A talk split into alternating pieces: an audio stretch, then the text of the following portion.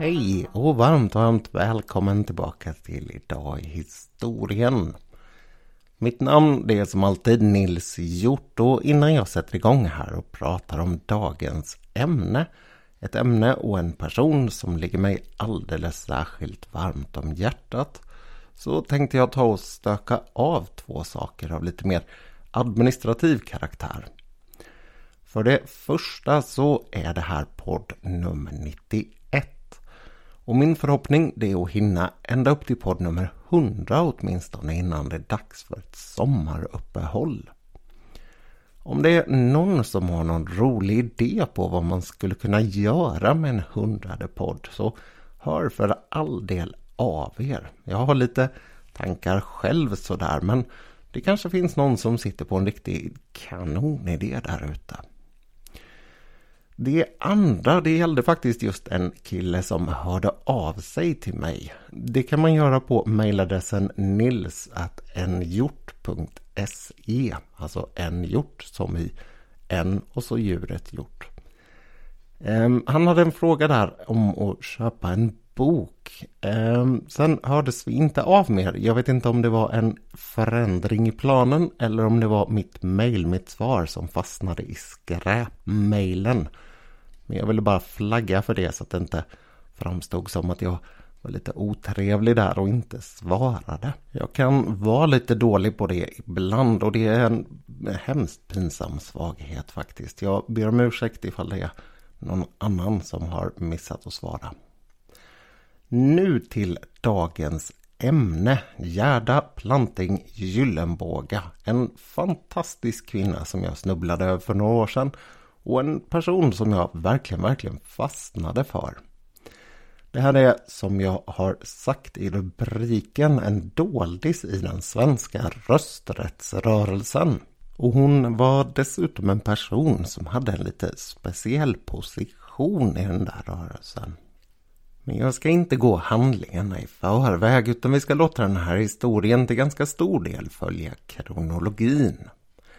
Gerda hon föddes 1878 på en gård som heter Rämningstorp och som ligger mittemellan skulle man kunna säga Skara, Lidköping och Götene. Ganska nära ett litet samhälle som heter Äggby i Istrums socken. Det här Rämningstorp det är en rejält fin klassisk herrgård. Ett stort vitt hus med två stora flyglar. Det ligger lite över en liten sjö och har en fantastisk miljö runt omkring sig. Hennes pappa var det som bodde där såklart och han var officer. Han var inblandad i Skaraborgs regementes verksamhet. De hade ju stora övningar där i närheten på Axvallhed. Ni vet att jag nämnde det där också när det gällde Alfred Grenander härom veckan. Det där är ju annars ett område som idag är mest känt för att det är travbana där. Men det finns så fantastiskt mycket mer roligt att se runt omkring. Men vi ska hålla oss till Gerda och hennes uppväxt. Hon föddes sist av sju syskon och räknar man bort henne så var de där syskonen jämnt fördelade. Hon hade alltså tre storebröder och tre stora systrar. En av dem dog i tonåren och hennes mamma dog när hon var blott åtta år gammal. Något som enligt Gerdas man, när han senare skriver om hennes uppväxt, kommer att påverka hennes liv så tillvida att hon menar att hon fick en ganska eftersatt intellektuell utveckling tack vare att modern inte var närvarande under hennes uppväxt. Annars så måste Gerda faktiskt ha haft en ganska god utveckling vad det gäller skola och studier. Någon gång så har hon begett sig upp till Stockholm för att studera. Hon skulle faktiskt bli filosofie-kandidat vid Stockholms högskola. Det här var ju såklart väldigt ovanligt vid tiden att en kvinna gjorde. Och det här bör ha varit precis runt sekelskiftet som hon blev klar med. Därefter så blir hon kvar några år uppe i Stockholmsområdet innan hon gör någonting som är ett ganska udda drag. Det är väl ett ganska udda drag även idag, men just vid den här tiden, eller vid den här tiden, så måste det ha varit särdeles udda. Därför att av någon anledning som jag faktiskt inte har hittat svar på någonstans så flyttar hon till Huskvarna. Och faktiskt inte bara till Huskvarna utan till en liten gård som ligger mer än i utkanten av Huskvarna. Den här gården den finns inte längre idag utan den är riven och ersatt av ett bostadsområde, ett litet radhusområde. Gården den hette Tormenås ifall det är någon som har koll på Huskvarna och då vet ni ungefär vilka delar av stan vi rör oss. Längst ute på söder uppemot den här järnvägsundergången på vägen ut mot Rogberga. På Tormenås egendom vid den här tiden så verkade paret Andersson. Det här det var en ganska gammal gård. Den hade anor ända tillbaka till Vadstena klosters tidiga år. Den tillhörde då det. Och senare så skulle den ägas av en hel del andra personer fram till det här paret som nu fick den här inflyttade, lite udda figuren i den här miljön. Gerda hon dyker upp där omkring 1907-1908 och hon tycks ganska fort ha utvecklat en ganska god vänskap med Hilma Andersson, frun på den här gården. De är båda två intresserade av att föda upp höns. Och det är någonting som de har ägnat sig åt på varsitt håll tidigare. Nu så börjar de verkligen fördjupa sig i det här och det verkar gå betydligt bättre med hjälp av Hilma än vad det har gjort för Gerda uppe i Stockholmsområdet ihop med en annan person. Och det här, det var på riktigt hög nivå vad jag förstår. Man korresponderade med uppfödare i andra länder och man åkte runt på tävlingar och liknande uppvisningar. Bredvid det där så tillbringade man en hel del tid med att diskutera de i tiden aktuella frågorna. Och det var här som rösträttsrörelsen kommer in. Hilma hon hade en syster som var lärare uppe i Stockholmsområdet också. Och hon var ganska ofta nere och hälsade på på gården när det var lov. De här tre de satt här ute på gården och diskuterade som sagt de olika ämnena och någonstans så bestämde man sig för att starta en egen underförening till Landsföreningen för kvinnans politiska rättighet. Rösträtt, förlåt. Eftersom Tormenås vid den här tiden tillhörde Rogberga och inte Huskvarna så blev det Rogberga som var namnet på den här föreningen. Det här skedde ganska sent 1908 och tämligen omgående så samlade man omkring 60-talet medlemmar där det var mestadels kvinnor men även en hel del män. Och man satte ganska fort igång med att ha olika typer av aktiviteter. Det var allting från ganska grundläggande saker. Hur har man en förening? Hur har man ett möte och sådana där saker. Till en betydligt mer sofistikerad kursverksamhet där man tittade på till exempel barns och ensamstående mammors rättigheter och andra frågor som var aktuella. Läser man till från planerna de har för kurser under senhösten och den tidiga vintern 1909 så tänker man sig ett program med nio föreläsningar. De här det är fördelat mellan social bildning, sättet att leda offentliga förhandlingar, kommunallagarna följt av en fingerad kommunalstämma. Sen kommer det svenska statsskickets historia, riksdagens sammansättning, det proportionella valsättet och ett fingerat valmöte. Därefter så avslutar man med de olika partiernas och deras olika program. Allt det här sker genom en eh, hel del olika föreläsare faktiskt. Det är en riksdagsman som är där och pratar. Det är en kontorschef, får man anta, på Husqvarna Vapen. Det är Lydia Wahlström som är tämligen känd. Det är Gulli Petrini som är hyfsat känd och det är Emilia Bromé. och ovanpå det doktorerna Knut Kjellberg och Sven Brisman. Förstår jag det hela rätt så hade man också i reserv föredrag av Freja Karlberg och Kerstin Hesselgren. Och när man hade startat den här föreningen så var det Hilma som blev ordförande. Men det fanns inget tvivel om att det var Gerda som var den drivande kraften i Rogberga kvinnoförening. Och det är faktiskt intressant att tänka sig hur den här föreningen kunde ha en sån storlek och en sån kraft i någonting som faktiskt var ett väldigt litet samhälle vid den här tiden.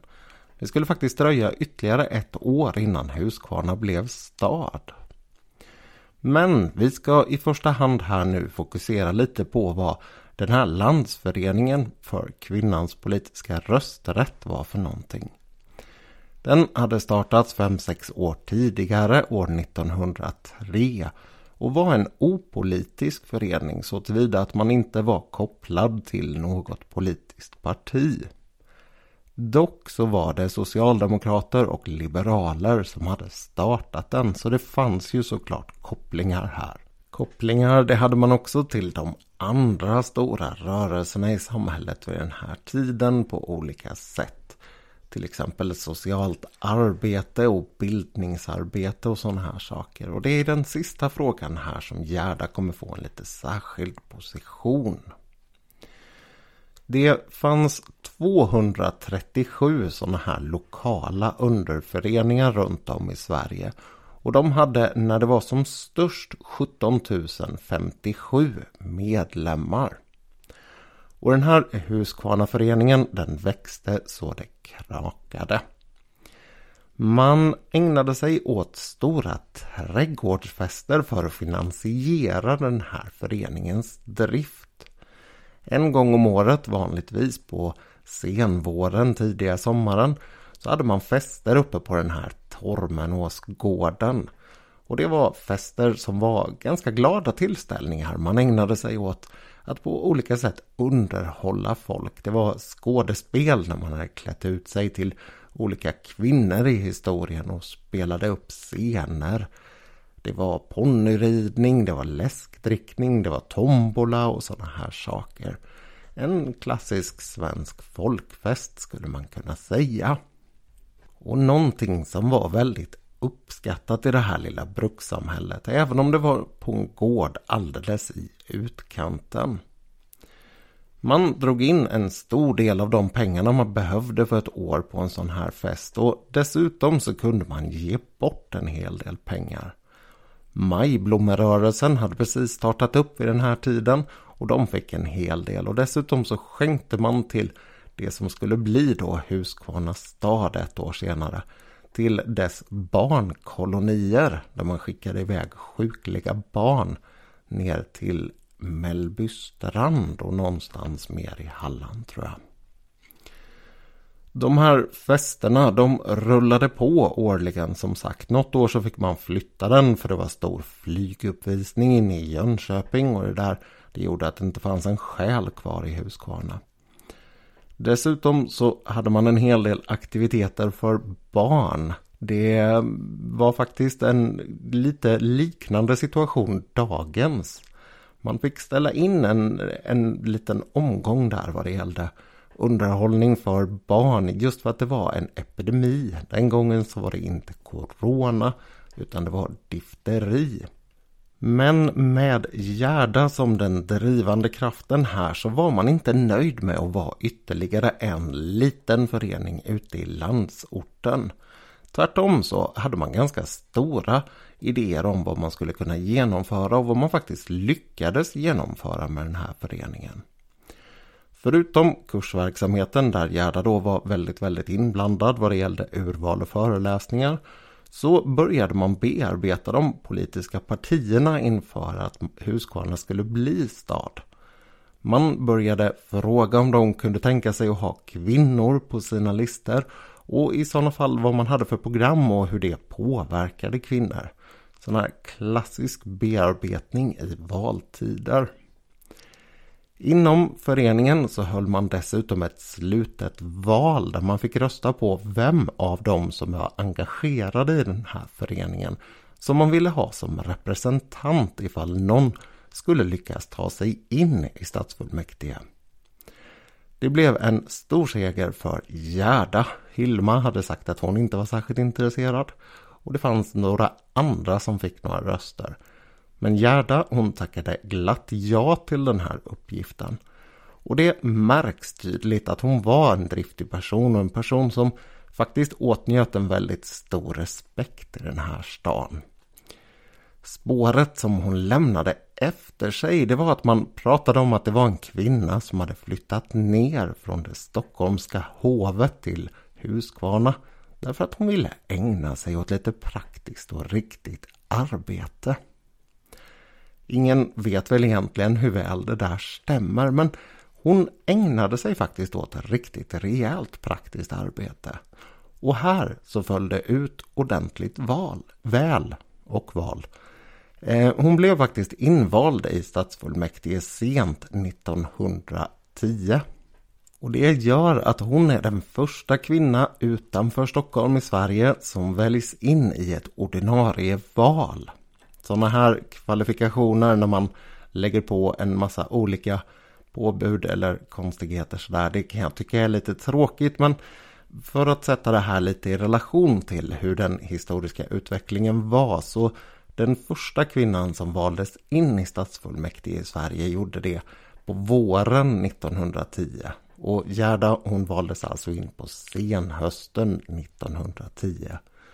Så hur man än vänder och vrider på det så är hon en av de fyra första och väldigt, väldigt tidigt. Hon gjorde det här på en frisinnad lista, alltså en liberal lista.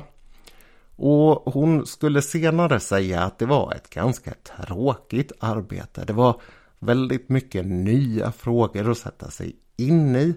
Och de flesta av dem de handlade om renhållning, kloakledningar och sådana saker.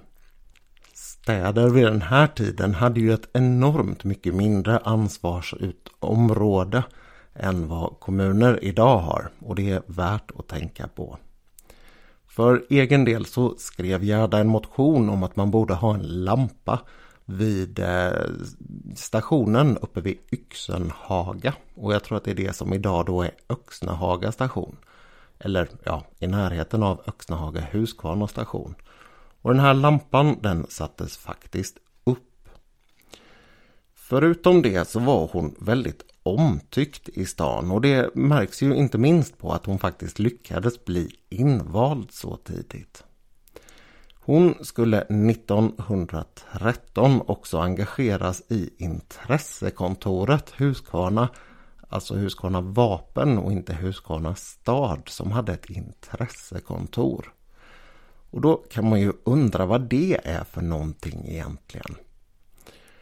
Jo, ett intressekontor det är faktiskt någonting som byggdes upp utifrån en amerikansk modell. Man hade på olika sätt och vis i USA utvecklat det här och nu hade det börjat slå igenom i olika brukssamhällen eller industrisamhällen runt om i Sverige.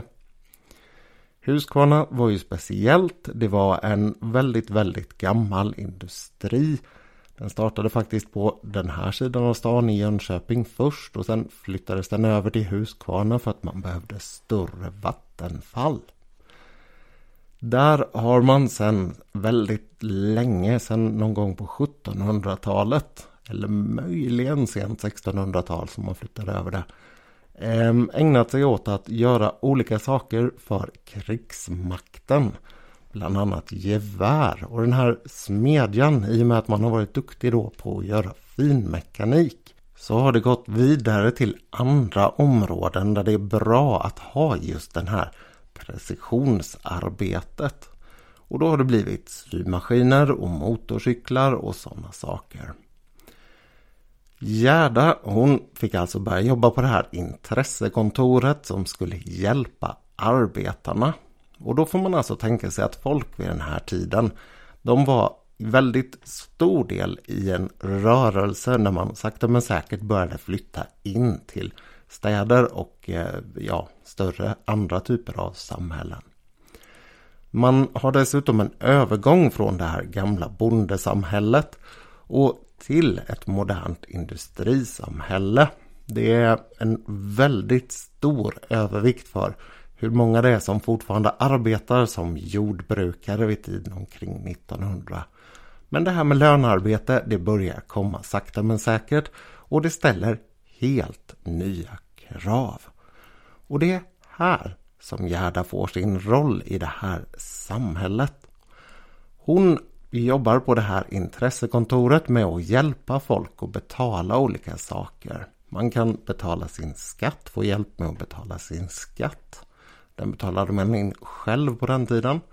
Man kunde få hjälp med att betala försäkring, hyra.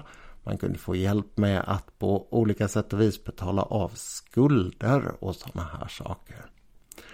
Men man kunde också få betydligt mer praktisk hjälp. Man kunde få hjälp med att lägga undan lite varje månad så att man under vinterhalvåret skulle ha råd att köpa ved för uppvärmningen av hemmet.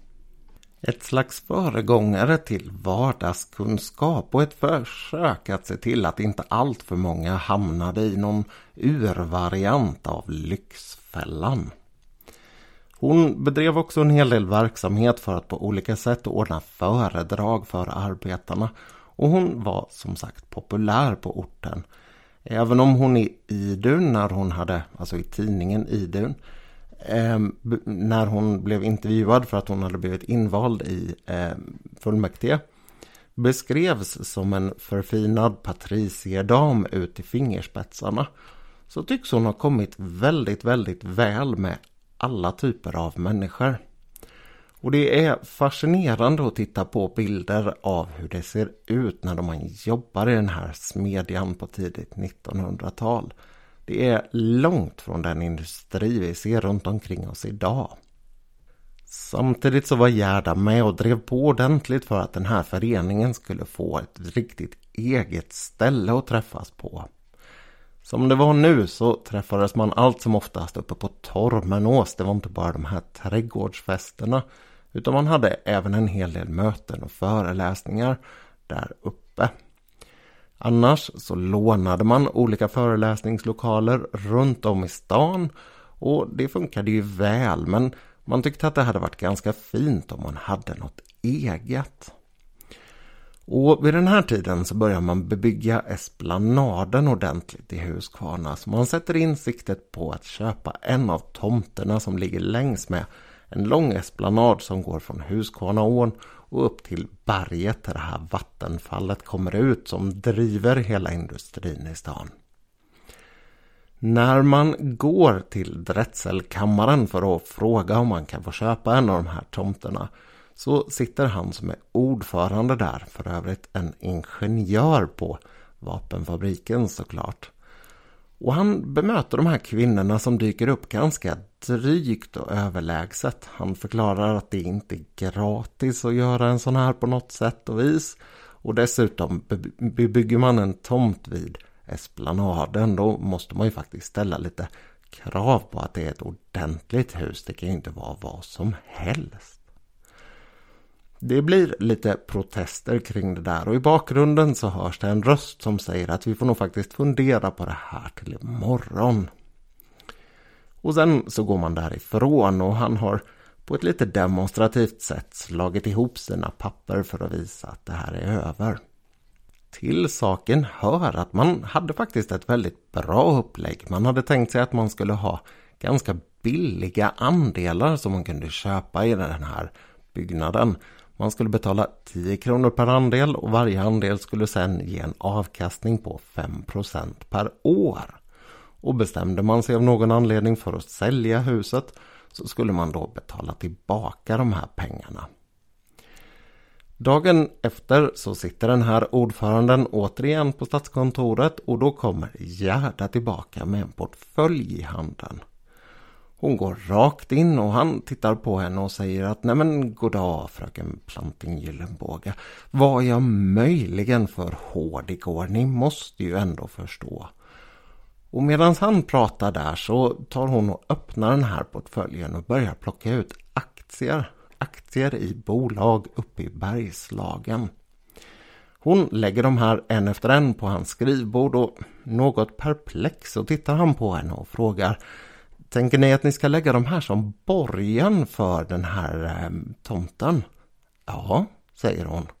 Ja, då kan ni sluta för ni är redan långt över den här tomtens värde. Bra, säger hon, stänger portföljen och går. Och medan han står och tittar på henne ut genom fönstret här har han berättat senare så nynnar han på en eh, känd visa vid den här tiden, Nils Junker. Och den här textraden han gnolar på, vad vill ni att jag sjunger, o gudinna befall? Det säger väl lite om hur Gerda lyckades driva igenom saker och vilken pondus hon hade i det här samhället. Och tack vare den här insatsen så lyckas Huskvarna, som man nu har bytt namn till, Förening för kvinnans politiska rösträtt vara först i Sverige med att bygga en egen lokal. Före Stockholm. Det är ganska maffigt, eller hur? Den här lokalen den finns kvar. Huset är allt annat än varsamt moderniserat. Det har blivit ett riktigt fult hus. Och det är huset som innehåller Jönköpings-Postens lokalredaktion i Huskvarna och en färgaffär. Återigen då om någon har lite sådär Huskvarna-koll så vet ni vad jag menar. Året efter så har den här föreningen som nu enligt vad de själva säger och vad andra säger har den finaste möteslokalen i hela stan. Då har de omkring 200 medlemmar. Och för Gerdas del så är det en hel del kringresande eh, utbildningsverksamhet. Martina Bergman Österman har donerat pengar för att man ska bygga upp en bildningsverksamhet runt omkring det här med eh, kampen för rösträtten. Och tanken som ligger bakom det här och en tanke som drev Gerda väldigt mycket också. Det var att när man väl fick rösträtten då var man tvungen att vara utbildad. Man kunde inte bara få rösträtten och sen bete sig som en ja, obildad tölp skulle man väl säga. Det där är ju lite olika vad man har för uppfattningar omkring. Men för de här kvinnorna, för Gerda framförallt, så var det väldigt, väldigt viktigt med bildning och utbildning. Och det är en av sakerna som gör att jag kan beundra henne så mycket. Det är en av sakerna som gör att jag tycker att det är så himla kul att göra en podd som handlar om bildning. Och ibland när jag känner att jag måste pressa lite sådär för att orka klippa ihop en podd som nästan är klar eller något sånt så kan jag känna Jo, Gerda hade gjort det, nu får jag göra det. Strunt samma, vad Gerda gjorde som jag inte gjorde det var att hon i juni 1915 hade organiserat och ordnat det tredje allmänna mötet för rösträtt, alltså ett landstäckande möte. Det här det hölls i Huskvarna och man hade tidigare haft bland annat i Strängnäs sånt här möte. Man eh, åkte ut, första dagen så var man kvar i Huskvarna. Eh, och sen andra dagen så åkte man ut på Motala Express till Visingsö för att ha ett stort möte i Slottsruinen där ute. En plats som är ganska symboliskt viktig och där det har dött en massa tidiga gamla svenska kungar. På vägen ut så mötte man i Gränna upp Ellen Key som hade rest ner från sitt strand och hon var huvudtalare. Både första och andra dagen så var det Gerda som var inledningstalare. Och det finns en hel del fina bilder på hur det här mötet i slottsruinen ser ut. Hon, ehm, eller på det här mötet så hade man 300 medlemmar med sig som åkte med på Motala Express ut. Och sammanlagt så räknar man med att det var ungefär 500 personer där och lyssnade på de här olika talen. Ja, eller Ellen var som sagt huvudtalare och det hon talade om det var rätt mycket kring rösträttsrörelsen och just hur det där hängde ihop med kvinnans roll och vilken den nu var när första världskriget hade börjat. Avslutningen skedde sedan dagen efter uppe i Stadsparken i Jönköping och eh, det här skulle också bli lite av ett avsked för Gerda därför att 1916 så flyttar hon upp till Stockholm. Det här engagemanget för bildning, det här rundresandet och den här oerhörda driftigheten och goda organisationsförmågan som hon har visat upp, den har gjort avtryck i föreningen. Och en av systerorganisationerna som man hade, eller en av de organisationerna som man låg nära, det var CSA, Centralstyrelsen för socialt arbete. Är det socialföreningen? Eller socialt? Ja, strunt samma. Den som vill veta exakt får slå upp det.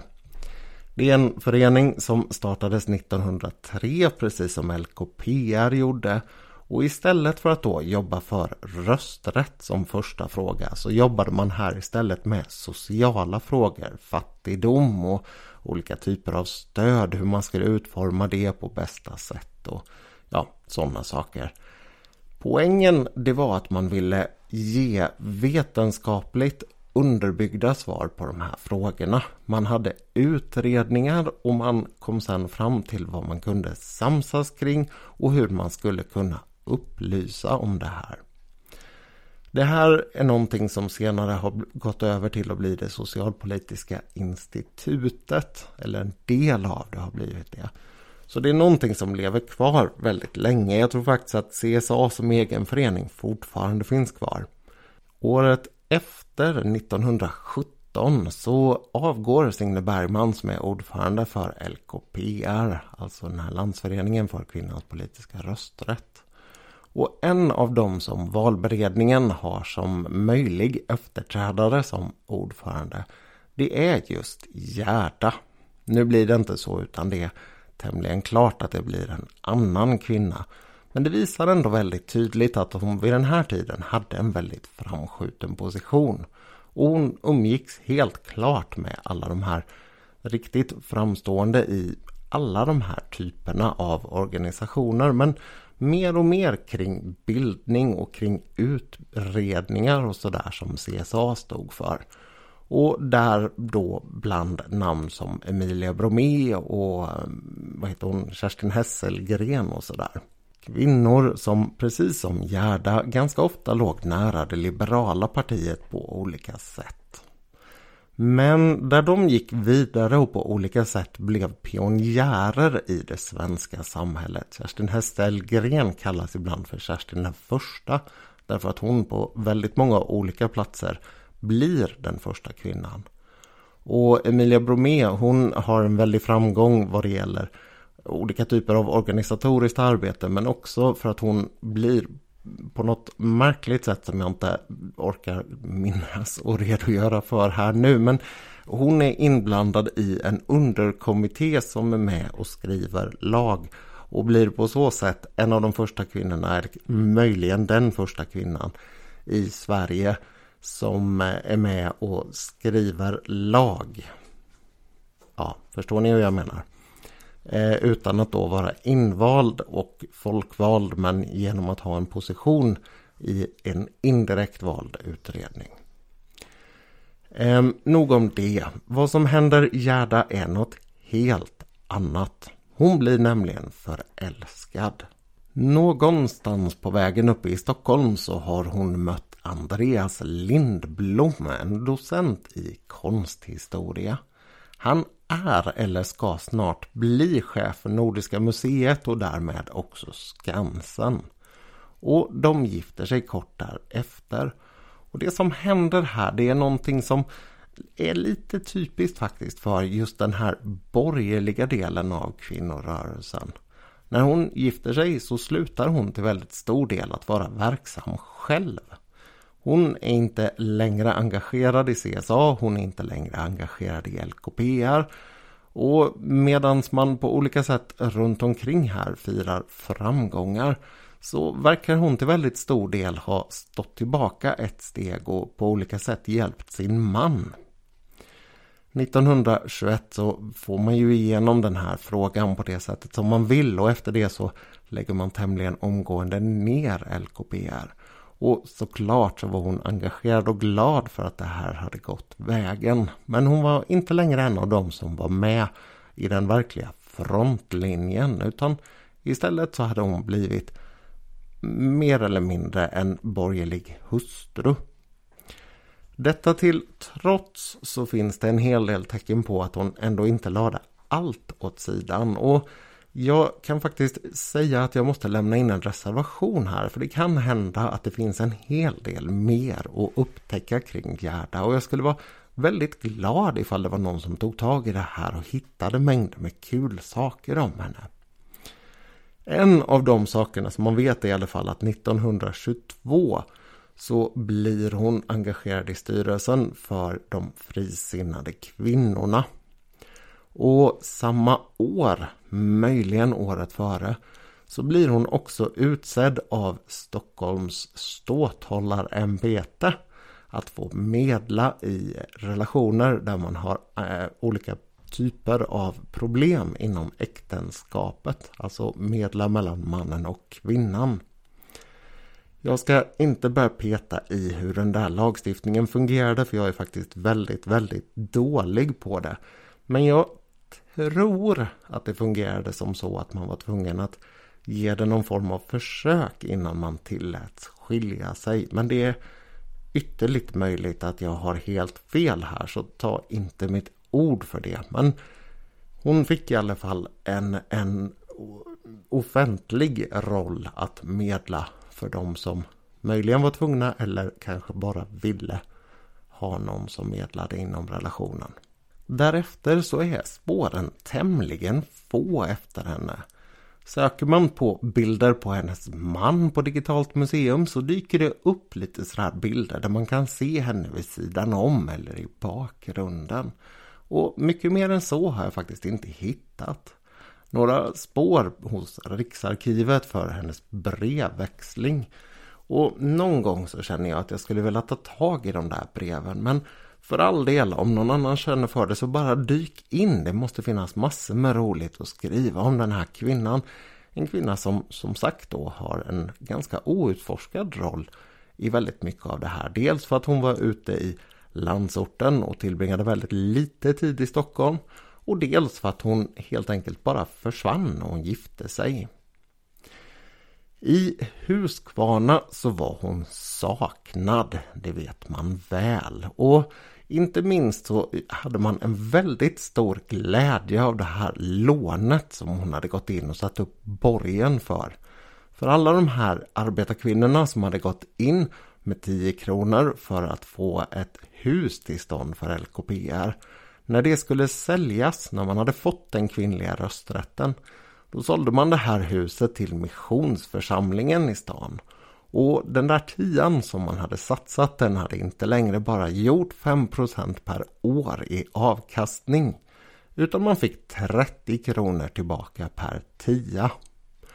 Och värt att notera här är att vid den här tiden så var inflationen ordentligt mycket mindre än vad den är idag. Så ökningen här är ordentligt stor från 10 till 30 kronor på, vad blir det, 8 år. Och då kan vi alltså sammanfatta Gerda här. Hon dör 1950 och hon begravs på Tyresö kyrkogård. Hon har varit med och ge de svenska kvinnorna rösträtt. Hon har varit med verkligen i frontlinjen för att man ska utbilda sig och bilda sig på olika sätt och vis. Och hon har dessutom hjälpt till med privata pengar att se till att det här fungerar så bra det kan i ett litet samhälle som Huskvarna stad var. Någonting som gav en rejäl ekonomisk skjuts för de kvinnor som vågade vara med och satsa. Är det inte ganska häftigt att se vilken roll och vilken förändring en sån här människa kunde ha och bidra till på den här tiden? En tid när demokratin faktiskt inte ens har slagit igenom utan som verkligen, verkligen bara precis är på väg. Jag måste säga att Gerda Planting Gyllenbåga är en person som jag är väldigt, väldigt förtjust historiskt sett. Hon slåss på ett sätt som är fantastiskt häftigt och hon gör det hela tiden med värdighet och med kunskap. Fantastiskt. Med det sagt så är det faktiskt bara kvar för mig att runda av här och hoppas att ni alla har en trevlig vecka med fantastiskt väder. Här har det varit jättehärligt. Och ja, se till att ta tillvara på det där efter denna trista och ganska skräpiga vår. Hade vi inte behövt bättre väder när man bara får träffas utomhus kan man tycka. Nåväl, vaccinationer rullar på och sol är på väg. Håll hoppet uppe vänner. Tills nästa gång, allt gott!